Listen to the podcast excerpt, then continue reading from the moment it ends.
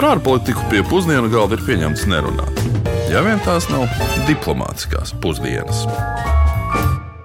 Esiet sveicināti ik otrdienas diplomātsko pusdienu klausītāji. Patiesi prieks atkal būt ar jums kopā caur tehnoloģiskiem savienojumiem un ar žurnālistu Uģi Lībietu šeit pat Latvijas radio studijā. Sveicināti! Jaunā sezonas otrais un kopumā 62. raidījums ir klāts. Šodien mums pusdienu plānā ir Meksikas Savienotās valstis. Ēdīsim to no visām pusēm, gan nopietni, gan netik nopietni, gan skaidrojoši, gan arī domas veicinoši. Nu, jāsāk laikam ir ar to, ka Centrālā Meksika ir viens no pasaules civilizācijas šūpuļiem. Nu, tie kopumā tiek skaitīti kā seši, un tie iekļauj seno Eģiptu, seno Ķīnu, seno Indiju, Mezopotāmiju. Nu, tās viss ir vecajā pasaulē. Nu, kā arī Norte Čiko mūsdienu Panamas teritorijā un, protams, Olmeku civilizācija Meksikā. Meksikas vēstures liecības ir atrodamas vismaz par eh, nesenākajiem desmit tūkstošiem gadu. Protams, eh, zināmākais periods laikam tomēr ir Azteku civilizācijas valdīšana un arī tās eh, sabrukums pēc Kolumba atklājumiem un Spāņu konkistadoru veiktās vardarbības un karadarbības. Meksikas teritoriju Spāņi kolonizēja 1521. gadā. Nu, mūsdienu Meksika izveidojās pēc neatkarības kara pret Spāniju, kurš beidzās precīzi trīs gadsimtus vēlāk, jeb 1821. gadā. Valsts ir federācija, kur sastāv no 31 pavalsts un galvaspilsētas federālā apgabala. Viņam, starp citu, līdz 2016. gadam tāds nosaukums oficiāli arī bija. Bet atrodas tas federālais apgabals Mehiko. Mūsdienās oficiāli arī tas ir Mehiko federālais apgabals. Un šobrīd Meksika ir starp desmit pasaulē apdzīvotākajām valstīm un ar vairāk nekā 130 miljoniem iedzīvotāju. Nu, pieļauju, ka par Meksiku dažādu iemeslu dēļ eh, vairāk vai mazāk ir dzirdējis gandrīz ik viens eh, Latvijas iedzīvotājs. Pieļauju arī, ka visbiežākais iemesls varētu būt eh, viņu kaimiņu, amerikāņu veidotās filmas nu jā, nu, kuras eh, vismaz pēdējās dažas desmitgades eh, Meksiku tiecas atainot kā narkokarteļu korupcijas un noziedzības dominēta valsts, kurā viss ir dzeltenīgi oranžā krāsā. Nu, tas ir jau kļuvis par eh, pazīstamu joku internetā, vismaz pēc seriāla Breaking Bad iznākšanas. Bet ko Latvijas iedzīvotāji zinās mums pastāstīt par Meksiku, to mūsu kolēģi mēģināja noskaidrot tepat vecrīgā. Sombrero. Jā, cilvēks staigā lielās cepurēs, tādos uh, uzmetiņos, ap, apmetiņos, kā viņi saucās. Nu, tādi, vai ne? Nu, pārsvarā laikam draudzīgi cilvēki. Nē, es dzirdēju, ka viņi būtu tādi ienaidniekam. Mm, burritos. Mariači, skaistas dēļas. Uh silts klimats. Korupcija, milzīga nevienlīdzība, narkotiku ļoti daudz, ļoti liela vardarbība, slepkavības un kurorti ārzemniekiem, kamēr pārējie dzīvo nabadzībā. Meksika piramīdas. Meksika, tekila, Meksika, ananāsi. Meksika ļoti nabadzīga, tur ir ļoti karsts. Robeža starp Ameriku un Meksiku, kur noslēdz ēdiens man patīk no Meksikas. Man nepatīk meksikāņi, un es nekad tur nebraukšu. Jā.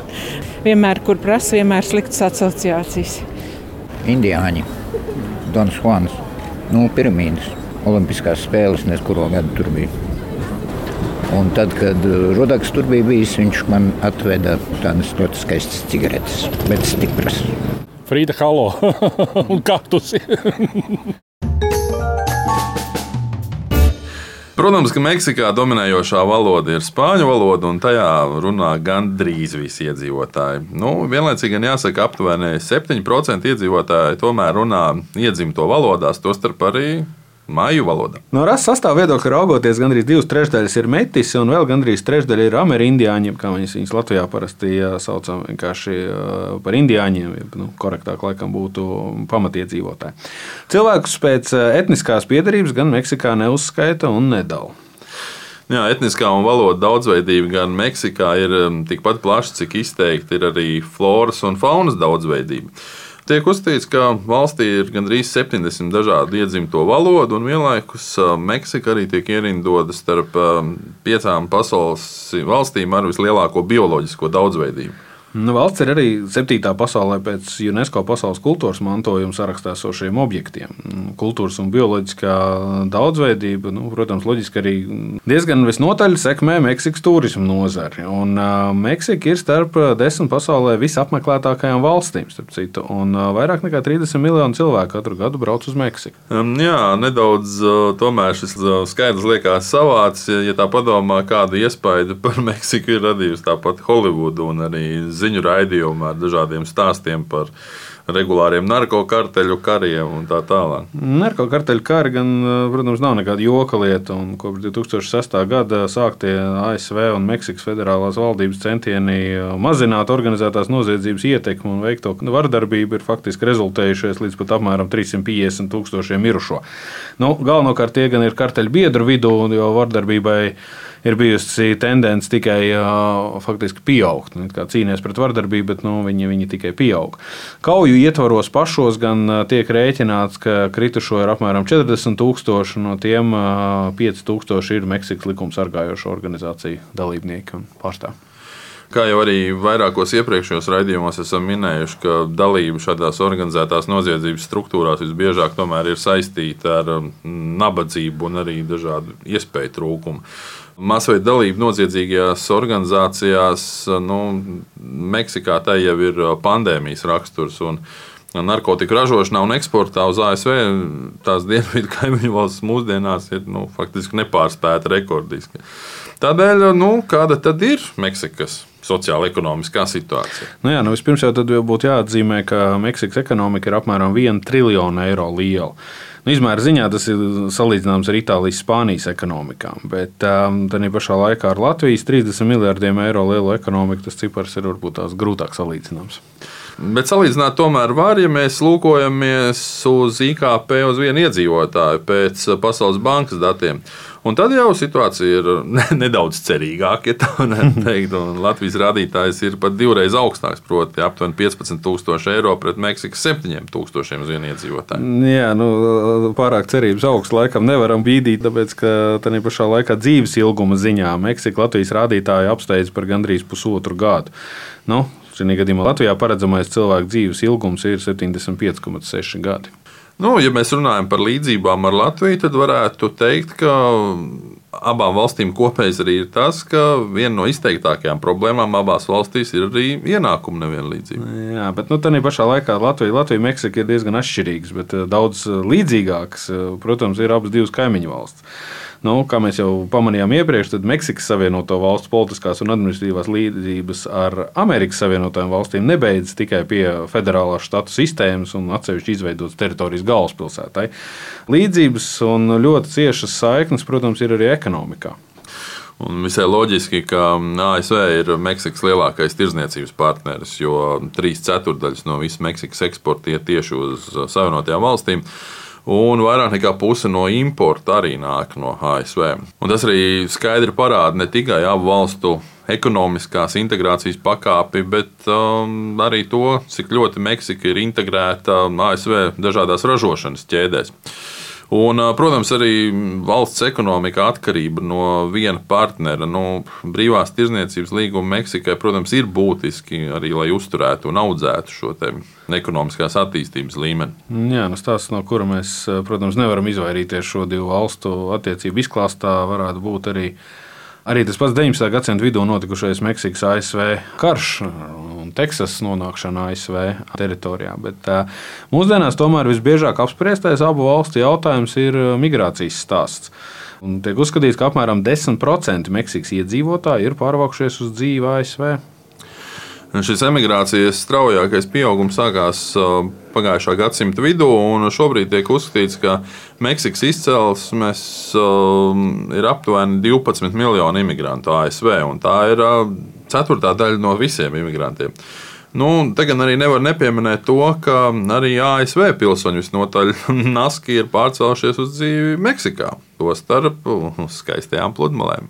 Jā, nu Meksikā dzīvo Pasaulē lielākā amerikāņu diaspora un trīs ceturdaļas no imigrantiem Meksikā ir nākuši tieši no ASV. Un tie nav tikai meksikāņi, kur atgriežas ar ASV iegūto pilsonību, piemēram, bet nu, tie ir arī paši amerikāņi, kuru ciparus rēķina vairākos simtos tūkstošu cilvēku. Bet vēl viena papildus pieminama lieta noteikti ir fakts, ka Meksika ir arī tranzīta teritorija migrantiem, kuri dodas uz ASV no citām pasaules valstīm. Un, nu, sevišķi jau pārējās Latvijas Amerikas. Un zinām, cik ļoti šis jautājums kļuva aktuāls arī tad, kad Donalds Trumps stājās pie, pie prezidenta pilnvarām, jā, un, un arī visas diskusijas par um, sienas būvēšanu uz, uz, uz abu valstu robežu. Bet par šo jautājumu mums uh, komentāru sniedza Meksikas pilsonis, uh, Rīgas Stradiņa Universitātes starptautiskās pārvaldības un diplomātijas programmas students Juans Pablo Gonzales. Last week, a group of journalists and students from Afghanistan arrived in Mexico. Pagājušajā nedēļā Meksikā no Afganistānas ieradās grupa žurnālistu un studentu. Pēc formāliem ārlietu ministra apsveikumiem viņiem tika piešķirtas vīzas humānu apsvērumu dēļ. Vienlaikus Meksikas ziemeļu robežas tuvumā teltīs dzīvo tūkstošiem no Centrāla Amerikas atceļojušu cilvēku, kuri dažreiz mēnešiem ir spiesti gaidīt brīdi, kad viņiem būs iespējams savu patvērumu pieteikumu aizstāvēt amerikāņu tiesneša priekšā. Šie divi piemēri ļoti labi ilustrē Meksikas migrācijas kontrastus. Un, ja mēs paskatāmies uz šo fenomenu gadu desmitu griezumā, tad redzēsim, ka šis ir viens no lielākajiem Meksikas valdības izaicinājumiem gan iekšpolitikā, gan ārpolitikā. Imigrācijai ir vistiešākā ietekme uz ekonomisko un politisko dzīvi, kā arī attiecībām ar reģiona kaimiņu valstīm. Ārvalstīs dzīvojošo meksikāņu uz mājām sūtītā nauda Meksikai ir kļuvusi par lielāko starptautisko ienākumu avotu, apsteidzot ārvalstu tiešās investīcijas, naftas eksportu un starptautisko turismu. Un tas arī atspoguļo, cik ļoti nozīmīgi ārvalstīs strādājošie meksikāņi ir savas dzimtenes ekonomikai. Var teikt, ka gan oficiālā, gan nereģistrētā migrācija ir bijusi viens no no Meksikas ekonomiskās integrācijas dzinējspēkiem Ziemeļamerikas reģionā, jo arī Ziemeļamerikas brīvās tirdzniecības līgums starp ASV, Meksiku un Kanādu šos faktorus ņem vērā. Taču patiesībā migrācija Meksikas ārpolitikai ir snieguši gan gaišākos, gan tumšākos brīžus. Meksikas ārlietu dienests regulāri uzsver, ka ir nepieciešams atrast un cīnīties ar migrācijas cēloņiem, lai rastu ilgtermiņa risinājumus, īpašu uzsvaru liekot uz cilvēktiesībām. Taču šis ir ļoti sarežģīts uzdevums, jo ir ļoti grūti sniegt kādu praktisku palīdzību neaizsargātiem cilvēkiem, kuri par spīti riskiem ir gatavi doties tālos ceļojumos, riskējot ar savu dzīvību.